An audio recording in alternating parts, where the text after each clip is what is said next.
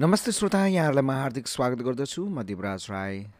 तपाईँहरूलाई आज हामी यो पोडकास्टिङको तेस्रो अङ्क हामी प्रस्तुत गर्दैछौँ र यो तेस्रो अङ्कमा हामी विशेष गरी ती महान व्यक्तिहरूको जीवन कथालाई उहाँहरूकै आवाजमा प्रस्तुत गर्दछौँ जसले वर्तमान सुन्दर हङकङ बनाउन जीवनको अति उर्वर समय अनि शक्ति खर्चिनुभयो। गोर्खाहरूले आफ्नो परिवारबाट टाढा देशमा आएर किन एक्लै आत्मबलिदान गर्नुभयो? आफ्नो बल वैशालु र जीवनमा हङकङका डाँडापाखाहरूमा किन र कसरी बिताउनु भयो? कहिले कल्पना नगरेको यस भूमि हङकङमा किन रगत पसिना बगाउनु भयो होला? यसबारेमा हामी कुराकानी गर्नेछौँ। मैले कुराकानी गरेको छु र यो पोडकास्ट तपाईँले सुन्न सक्नुहुनेछ। कृपया सब्सक्राइब गरिदिनुहोस्। र यसलाई अरू कहाँ अरूलाई पनि सेयर गरिदिनुहोस् आफ्नो सोसियल मिडियाहरूमा तपाईँलाई धेरै धेरै धन्यवाद। आउनुहोस् आजको पोडकास्ट सुनौँ है त।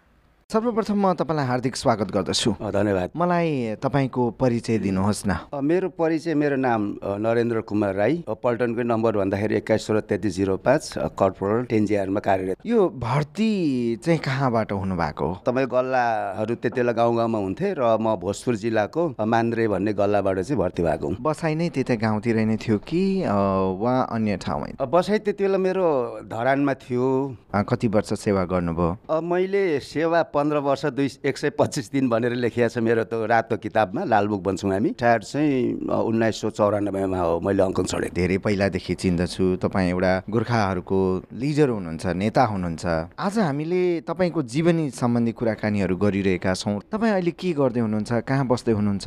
अहिले म बसाइ हङकङको न्यू टेरिटोरिज येलनुङमा। र मेरो जागिर चाहिँ टायाङ रोड भन्ने यो अप्पर हेप्पी भ्याली भनिन्छ पारी हङकङ हो। त्यो बेला र यो बेलाको करियल डिफ्रेन्सेसहरू के छ? अब त्यो बेला भन्नाले म एउटा सैनिक हुँदाखेरिको सैनिक जीवन भनेको चाहिँ निकै कठोर हुन्छ। अनुशासित त्यसै भइहाल्नु पर्ने स्थिति हुन्छ र आफ्नो इच्छाले चाहे अनुसार केही पनि गर्न नपाइने। र त्यसो भएको कारणले गर्दा सैनिक जीवनको आफ्नै प्रकारको जीवनशैली हुन्छ र अहिलेको भनेको यो मैले गरिरहेको सेक्युरिटी गार्ड भन्छौँ हामी यो सुरक्षाकर्मीको मैले चाहिँ स्वतन्त्र र अलिकति उन्मुक्त जस्तो अनुभव गरिरहेको छु। यो भूपू गोर्खा सैनिकहरूले पनि एकदमै धेरै आफ्नो अधिकारको लागि आन्दोलन गर्नुभयो। त्यसमा तपाईँ फ्रन्ट लाइनको व्यक्ति हुनुहुन्थ्यो क्या?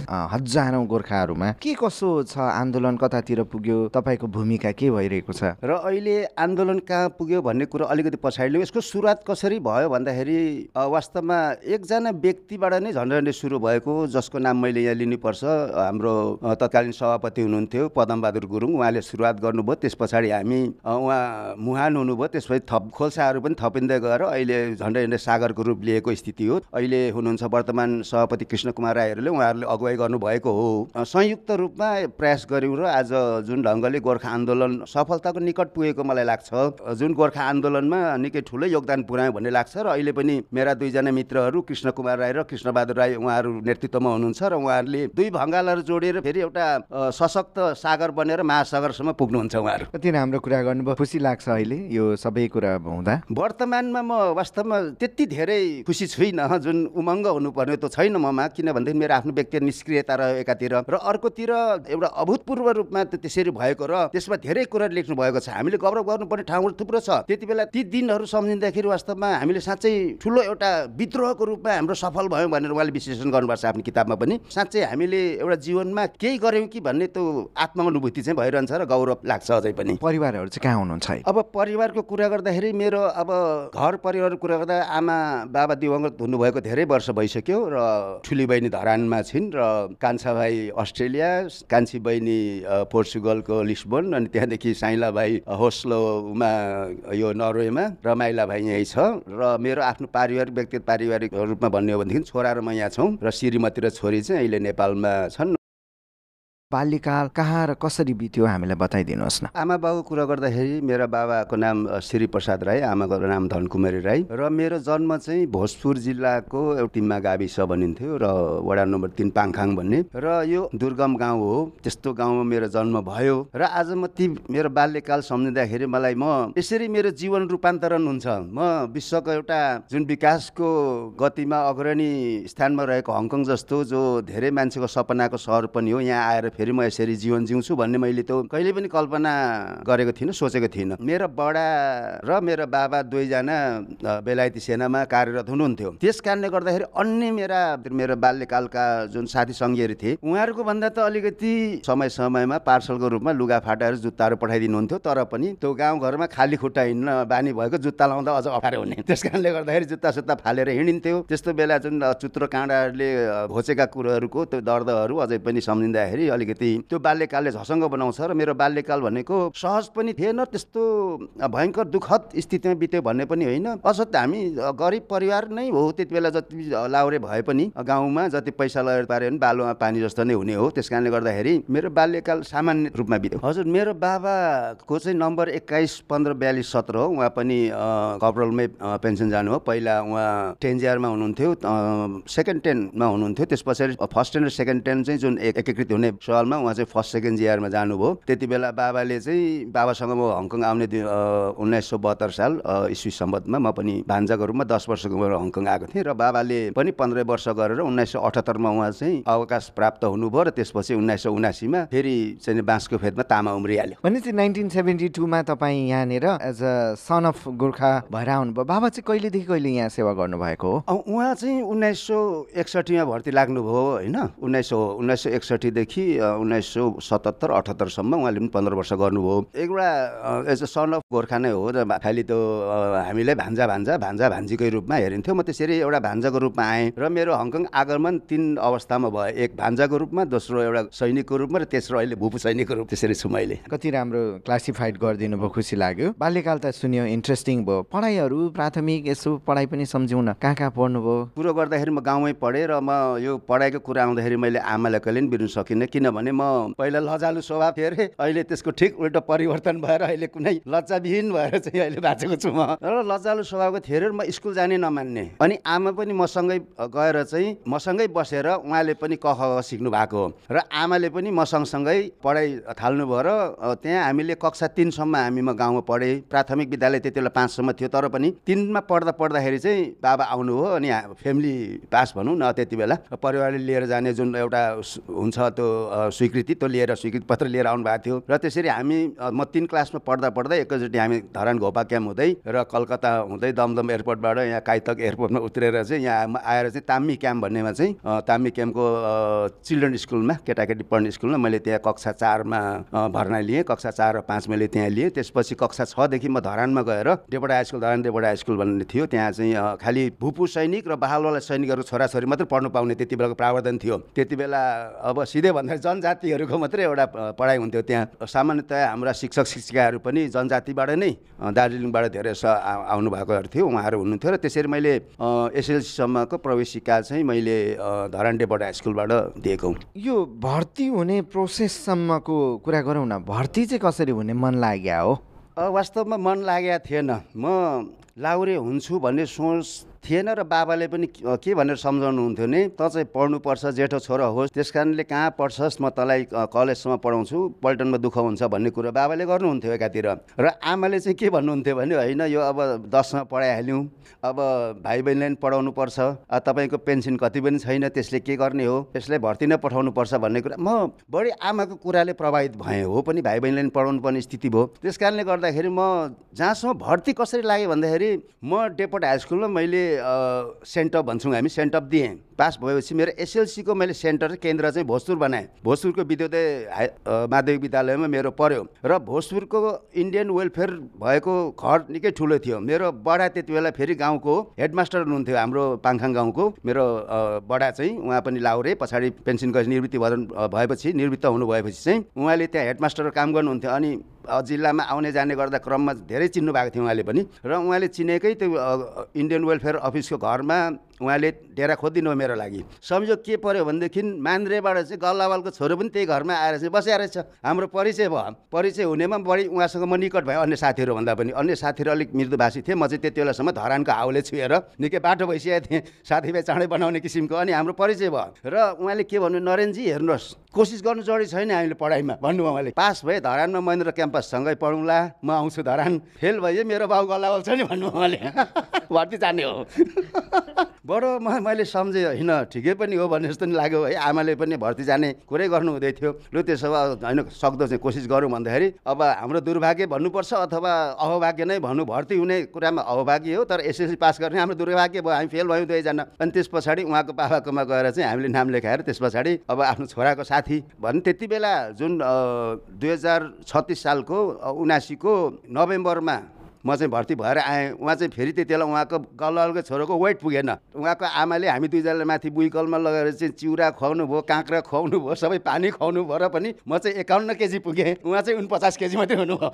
उहाँको वेट पुगेन ती साथीको। र पछाडि दोस्रो पटक फेरि दुई महिना पछाडि तिन महिना पछाडि उहाँ पनि भर्ती लगाएर आउनुभयो। खै चिन्जान भयो भने सजिलै हुन्थ्यो कि क्या हो? चिन्जान भन्दा पनि अब उचाइ होइन अनि तौलाई वजन उचाइ पुग्नु पर्यो अनि आँखा सिधा हुनु पर्यो कान सुन्नु पर्यो ती कुरोहरू भयो भनेदेखि अहिले जुन प्रतिस्पर्धा छ अहिलेको जुन भाइहरू जसरी दौडा दौड गरिरहन्छन् दुई सौजना भर्ती हुनेमा पचासौँ हजार लाइनमा बसिरहने त्यस्तो त थिएन हाम्रो पालोमा। यतातिर आफ्नो आर्थिक स्थिति र आफ्नो पारिवारिक स्थितिले गर्दाखेरि एउटा बाध्यता पनि थियो भर्ती हुनु। र चिन्जान हो जसरी मैले अब गल्ललको छोरासँग चिन्जान गरेँ त्यस कारणले पनि केही त हो। तर म आफै पनि अब त्यो गोर्खा भर्तीको निम्ति जुन चाहिने प्रक्रियाहरूमा जुन चाहिने जो योग्यता क्षमता हुन्छ। त्यसलाई मैले पुरा गरेर नै म त्यो गल्लामा त्यत्रो मान्छेहरूमा म तेस्रो नम्बरमा छानिएको थिएँ।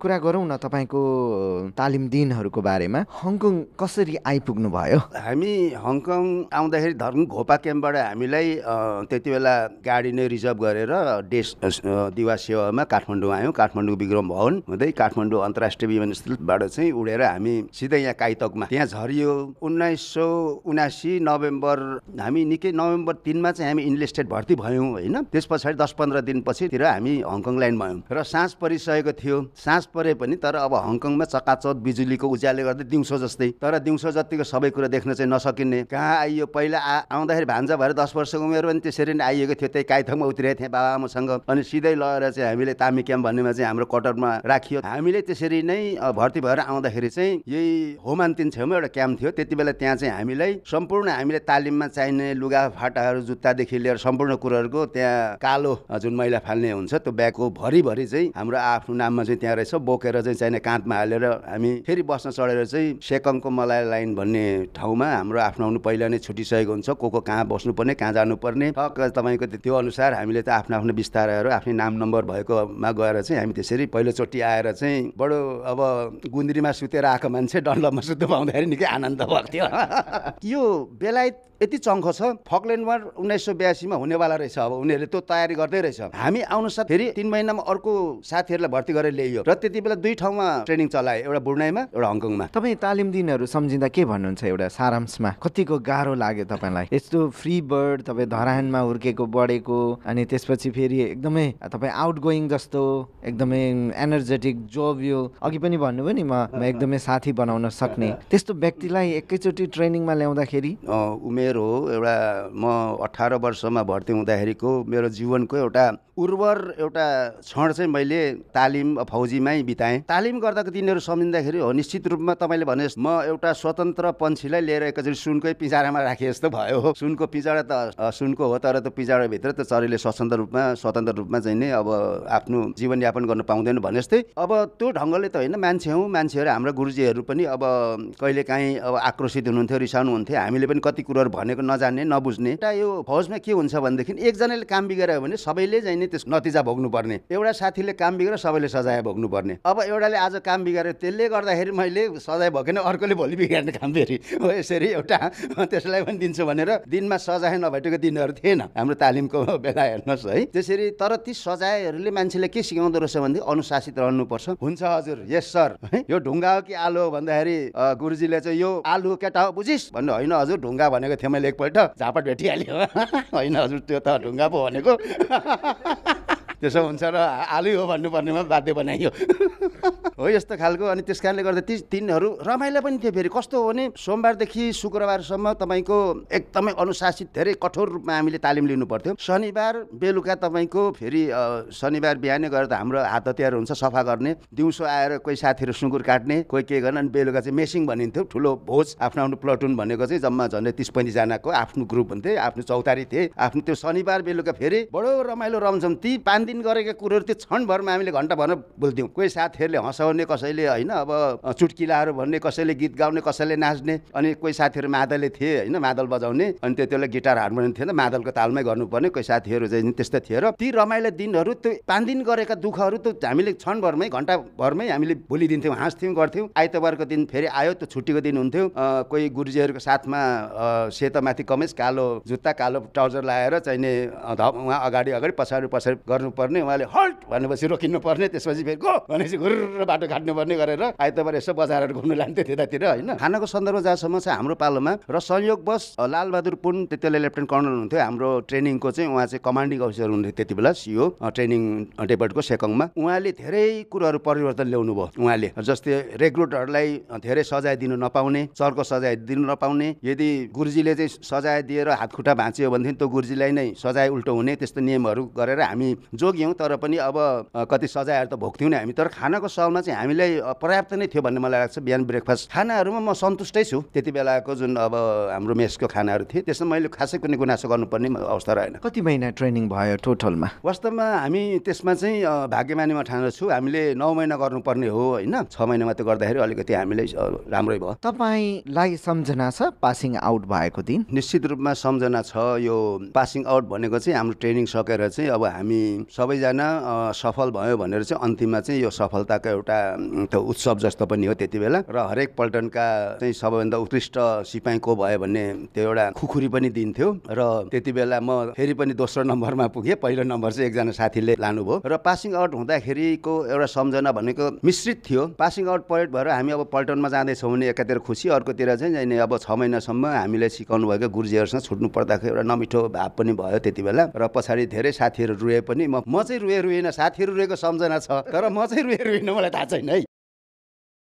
अब पहिला नै धरानमा नै हामी यो यो पल्टनको भनेर त रेजिमेन्ट छुट्याइलिन्थ्यो र आएपछि हाम्रो त्यति बेला दस खोर्खा राइफल चाहिँ टेन्जार भनिन्थ्यो। पासिङ आउट परेड भएपछि केही दिनमा चाहिँ हामी बुढाइ गयौँ। दुई महिनासम्म बुढाइको जुन वातावरण छ त्यहाँको जङ्गल घना जङ्गलहरूमा त्यहाँको फेरि बुढाइको आफ्नै किसिमको चाहिन्छ तालिम चाहिन्छ भनेर हामी पैँतिसजना साथीहरू थियौँ हाम्रो टेन्जारमा परेकाहरू। उहाँहरूसँगै चाहिँ हामी फेरि बसेर चाहिँ त्यहाँ बुढाइको जङ्गलका कुरोहरू बुढाइमा कसरी चाहिँ तालिम फेरि गऱ्यौँ त्यहाँ। जस म टेन्जियर बुढाइमा थियो बुढाइमा पक्का फौजी जीवन जीवन चाहिँ त्यहाँबाट सुरु भयो भनौँ। भनेपछि फर्स्ट ड्युटी चाहिँ तपाईँहरू जब पासिङ आउट भयो तपाईँलाई सिधा बुढाइ लग्यो। बुढाइ लगेपछि बुढाइ लगिसकेपछि हामी सबै त्यस दुई महिना तालिम गऱ्यौँ त्यहाँ। त्यसलाई इन्डक्सन कोर्स भने त्यहाँको परिचय एउटा होइन कस्तो हुन्छ के हुन्छ भन्ने। सँगै गरेपछि फेरि हामी पहिलो ड्युटीको रूपमा हाम्रो कर्तव्य निर्वाह गर्ने रूपमा चाहिँ हामी सी सबैजना पछाडि म त सी कम्पनीमा परे। र सबै साथीहरू सी कम्पनी चाहिँ हङकङको यो क्यासल पिक भन्ने एरिया छ युनलङदेखि उता बोर्डर ड्युटीको लागि आउनु पर्ने रहेछ। अनि हामीलाई पनि फेरि सबै साथीहरूलाई हामी जो पहिला तालिम सकेर गएका थियौँ सबैजना सी कम्पनीको मातहतमा रहेर हामी आयौँ र पहिलो हाम्रो ड्युटी भनेको चाहिँ यहाँ आएर चाहिँ चाइनाबाट आउने त्यो अवैध सर शरणार्थीहरू आइआई भन्नु यसो पक्रिने काम हामीले पहिलो सुरुवाती ड्युटीको एउटा प्रारम्भको मेरो ड्युटी भनौँ न मैले गर्नुपर्ने त्यो ड्युटी चाहिँ निर्वाह यहाँ हङकङबाटै सुरु गरेँ मैले। कहाँ बस्नुभयो कुन कुन क्याम्पमा त्यो पनि सम्झिदिनुहोस् हामीले बोर्डर ड्युटी गर्ने भनेको झन्डै यो हङकङको टापुको भनौँ न यता न्यू टेरिटोरिज भनिन्छ त्यसका क्यासलपिकदेखि लिएर यतातिर आएर माइपो एरिया भयो लोकमाचौ एरियादेखि हुँदै पर सातुकोक भन्नेसम्म हामीले पुरै ड्युटी गर्नुपर्ने हुन्थ्यो। टोटलमा कति वर्ष हङकङमा सेवा गर्नुभएको हो? मैले पन्ध्र वर्षमा मैले टोटल नौ वर्ष चाहिँ अब ती तिन वर्षमा छ महिना छुट्टी पनि जोड्ने हो भनेदेखि झन्डै छ वर्ष जस्तो चाहिँ मैले हङकङमा सबभन्दा बढी मैले मेरो फौजी जीवनको समय चाहिँ हङकङमा बिताएँ भनौँ न। पाँच वर्ष भनेको त्यति बेला अब निकै लामो समय नै हो। बुढ्ने मैले साढे तिन वर्ष युके दुई वर्ष लगायत पछाडि युकेमा फेरि मैले फाल्टो उसमा पनि गएको कास ड्युटी भन्छ नि हामी नेपालमा त्यस्तै इआरई भन्छ एक्स्ट्रा रेजिमेन्टल इम्प्लोइमेन्ट भनेर चाहिँ हामी त्यहाँ गएको थिएँ तपाईँको यो ऱ्याङ्क चाहिँ कुन कुन बेलामा वर्षसम्म अप भयो। यो प्रमोसनको जहाँसम्म पदोन्नतिको कुरा आउँछ त्यति बेला हामीले सामान्य तालिमहरू कोर्सहरू गर्नुपर्ने हुन्छ। ती कोर्सहरूमा जति पनि पल्टनभित्र भए त्यहाँ जहिले पनि मलाई पछाडि पारियो। यो चाहिँ किन भनेदेखि मेरो अब चरित्रगत हिसाबले जतिसुकै राम्रो काम निर्वाह गरे पनि जतिसुकै गरे पनि आखिर पोइन्ट दिने बेला चाहिँ मन नपरेको चाहिँ नै उसलाई चाहिँ अलिक कम नै दिने एउटा त्यस्तो थियो। तपाईँहरूको ऊ बेलामा स्यालेरीहरू केही पेमेन्टहरूको बारेमा भन्न मिल्छ? होइन किन नमिल्ने? अब हामी त अहिले जुन हामीलाई भेदभाव गरियो। हामीले एउटै काम दिएर दाम चाहिँ बेग्लै दिने जुन दुई सौ वर्ष अगाडिदेखि जुन लगातार आजसम्म तर आज आएर तपाईँको आज चाहिँ उन्नाइस सौ सन्तानब्बे पछाडि यो दुई हजार सात सालमा टोनी ब्लेयरले घोषणा गरे कि उन्नाइस सौ सन्तानब्बेभन्दा पछाडि जो भर्ती भए उनीहरूलाई चाहिँ युनिभर्सल पे उसमा लगियो। गोरा बराबर सबै सुविधादेखि लिएर तलब भत्ता सुविधा सबै एक गरियो। तर उन्नाइस सौ सन्तानब्बेभन्दा जो अगाडि भर्ती भएर उनीहरू त्योभन्दा अगाडि जो जो आए उनीहरूको निम्ति चाहिँ त्यो गरिएन। त्यसो भएको कारणले गर्दाखेरि त्यो भेदभाव भयो भन्ने मूल मुद्दा नै उठाएर चाहिँ अन्य धेरै सफलताहरू प्राप्त भएछ यो गोर्खा आन्दोलन तर मूल मुद्दा भनेको चाहिँ हाम्रो समानताको हक स्थापित भएको छैन अझै पनि। यसमा स्वाभाविक रूपमा अब पैसाको कुरा आउँछ पेन्सन बराबर भएको छैन भन्ने कुरो। तर पेन्सन भन्दा पनि हाम्रो एउटा स्वाभिमानको निम्ति नेपाली जुन सार्वभौम सत्ताको निम्ति हाम्रो नेपालीहरू जुन एउटा भाडाको सिपाहीको रूपमा हेरियो त्यसलाई त्यो कलङ्कबाट चाहिँ मुक्त हुनुको निम्ति आन्दोलन केन्द्रित शैली र हाम्रो साथीहरूले नेतृत्व गरिरहनु भएको छ। अघि मैले भने उहाँहरू एक दिन हामीले अवश्य सफलता प्राप्त गर्ने नै छौँ। यस मानेमा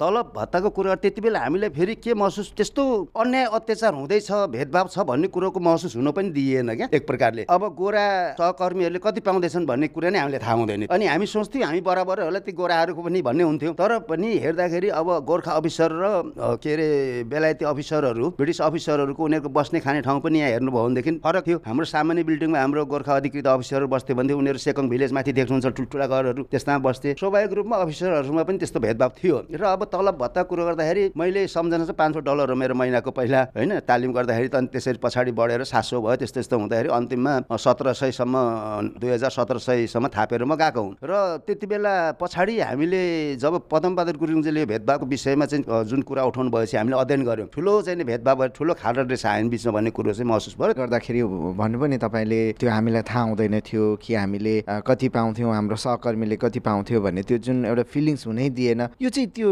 टिपिए को बारेमा कुनै कुरा नै हुँदैन थियो क्या है यो टिपिए ट्रापोटाइट एग्रिमेन्ट भन्ने त्रिपक्षीय सन्धि त माधव कुमार नेपालले एउटा ठुलो गुण चाहिँ के लगाउनु भने गोर्खाहरूलाई त्यो टिपिएको चाहिँ उहाँले त्यो सन्धि उपलब्ध गराउनु भयो। त्यसपछि नै हामीले त्यो त्रिपक्षीय सन्धिको अध्ययन गरेर यो त्रिपक्षीय सन्धि नै हाम्रो विपरीत भन्ने कुरोहरू यद्यपि त्यहाँ लेखिएको छ जुद्ध शमशेर कसले कुरा उठाएको छ कि गोर्खालीहरू चाहिँ भाडाको सिपाहीको रूपमा हेरिनु हुँदैन सबै सुविधाहरू भन्ने कुरो छ तर त्यो व्यवहारमा लागु लागु नभएको कुरा हो। तर यस्तो चाहिँ हामी जस्तो अब हाम्रो गोर्खा अफिसरहरूले नि भेदभाव गर्ने अब जातीयताको कुरा गर्छौँ नि हामी कति होइन? साँच्चै भन्ने हो भनेदेखि हामीले ती कुराहरू ज्ञान पनि भएन। तपाईँ हङकङमा तिन तरिकाले आउनुभयो। एउटा चाहिँ गोर्खाको छोरा भएर आउनुभयो गोर्खा सैनिक भएर आउनुभयो र गोर्खा भूपू सैनिक भएर पनि तपाईँ यहीँ हुनुहुन्छ। यसो हेर्दा विचार गर्दाखेरि हङकङलाई असाध्यै माया गरे जस्तो के? खुब रमाइलो हाँसी खुसी उस्तै एनर्जी देख्छु म। तपाईँको बोलीमा पनि उस्तै एनर्जी छ।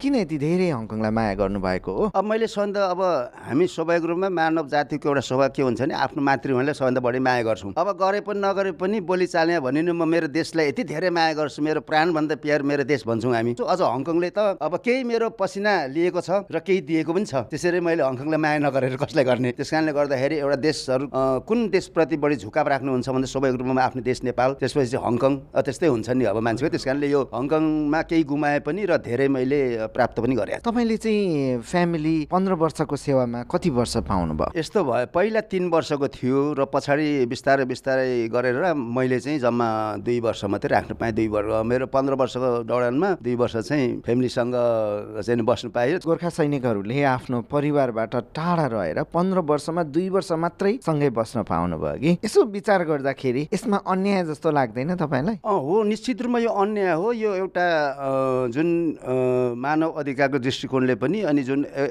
परिवारमा जुन यसरी विखण्डन गरेर चाहिँ यसरी राख्नु पनि एउटा अपराध नै हो भन्ने जुन एउटा कुरो छ त्यो कानुनमा त त्यो गलत पनि हो र व्यवहारमा पनि पीडादायी नै हो। तर पनि के भयो भने त्यो चेतना त्यति बेला यी कुराहरूले गोर्खा आन्दोलनले मैले भने गोर्खा आन्दोलनले गर्दा अहिले उनीहरूको अब बेला भएको छैन तर उहाँ युकेमा लगेर आफूले घर भाडामा लिएर आफ्नो श्रीमती राख्नु सक्छन् ऊ त्यहीँ गएर र म कहिले काहीँ कल्पना गर्छु म झन्डै लगभग तिस वर्ष अगाडि जन्मेछु क्या। वास्तवमा तिस वर्ष पछाडि जन्मेको हामीले जुन खोजेका कुरोहरू ठ्याक्क प्राप्त भइसक्ने। तर हामी पीडित भए अब अगाडि जन्मियो अब मुटुमाथि ढुङ्गा राखी हाँस्नु परेको छ।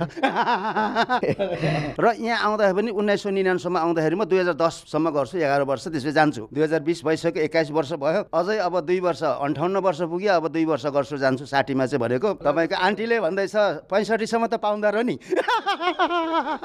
पाउँदर छोड्नु भएन। अधिकार खोज्ने मान्छेले आफ्नो पाउँदर छोड्नु भएन नि त्यहाँ। खुब रमाइलो भयो। आज निकै राम्रो कुराकानी भयो। बडो समय दिनुभयो। तपाईँलाई धेरै धेरै धन्यवाद छ। साथीहरूलाई पनि केही सन्देश दिनुहोस् न। मेरा नम्बरीहरू जो उन्नाइस सौ उनासीको दोस्रो इन्ट्याकमा भर्ती हुनु उहाँहरूलाई सधैँ मेरो उहाँहरूलाई सधैँ सम्झिराख्नु नसके पनि भुल्न सक्दिनँ। जति पनि यो आन्दोलनको क्रममा हामी अगुवाको भूमिका हामीले निर्वाह गऱ्यौँ उहाँहरू जो पछाडि लाग्नुभयो पछाडि बसेर उहाँले ज जसले हामीले सहयोग गर्नुभयो उहाँहरू बिना जस्तो भनिन्छ नि सिपाही बिनाको जर्नल हुँदैन होइन? जनता बिनाको नेता हुँदैन भने जस्तै हामी पनि त्यही हो। स्वाभाविक रूपमा हामीले जुन नेतृत्व गऱ्यौँ त्यस पछाडि उहाँले ती सम्पूर्ण सारा निरन्तर गोर्खा आन्दोलन लागिरहनु भयो। उहाँहरूलाई पनि म सम्झन चाहन्छु भुल्न सक्दिनँ ती साथीहरूको सहयोगलाई पनि। र अब अन्तमा तपाईँले यसरी यो आरटिएसको रेडियो कार्यक्रममा बोल्ने जुन अवसर दिनुभयो यसलाई म अझ सुनौलो अवसर दिनुभयो त्यसको लागि म देवराजलाई हार्दिक धन्यवाद ज्ञापन गर्छु। Thank you so much Raj हामीसँग हुनुहुन्थ्यो नरेन्द्र राई जसले आफ्नो जीवनमा उर्वर समय चाहिँ हङकङको लागि खर्चनुभयो उहाँहरूसँग हामी यो पोडकास्टमा नियमित कुराकानी गर्दै आइरहेका छौँ। यो तेस्रो अङ्क यो सिजनको तेस्रो अङ्क तपाईँलाई कस्तो लाग्यो? तपाईँले आफ्नो मेसेज पनि छोडिदिन सक्नुहुन्छ र अरूलाई पनि सुनाउन सक्नुहुन्छ आफ्नो सोसल मिडियाहरूमा पनि सुनाउन सक्नुहुन्छ। तपाईँलाई धेरै धेरै धन्यवाद मेरो पोडकास्ट सुनिदिनुभयो। म देवराज राई तपाईँहरूप्रति आभार व्यक्त गर्दछु। फेरि अर्को अङ्कमा हाम्रो भेट हुने नै छ। आफ्नो ख्याल राख्नुहोला।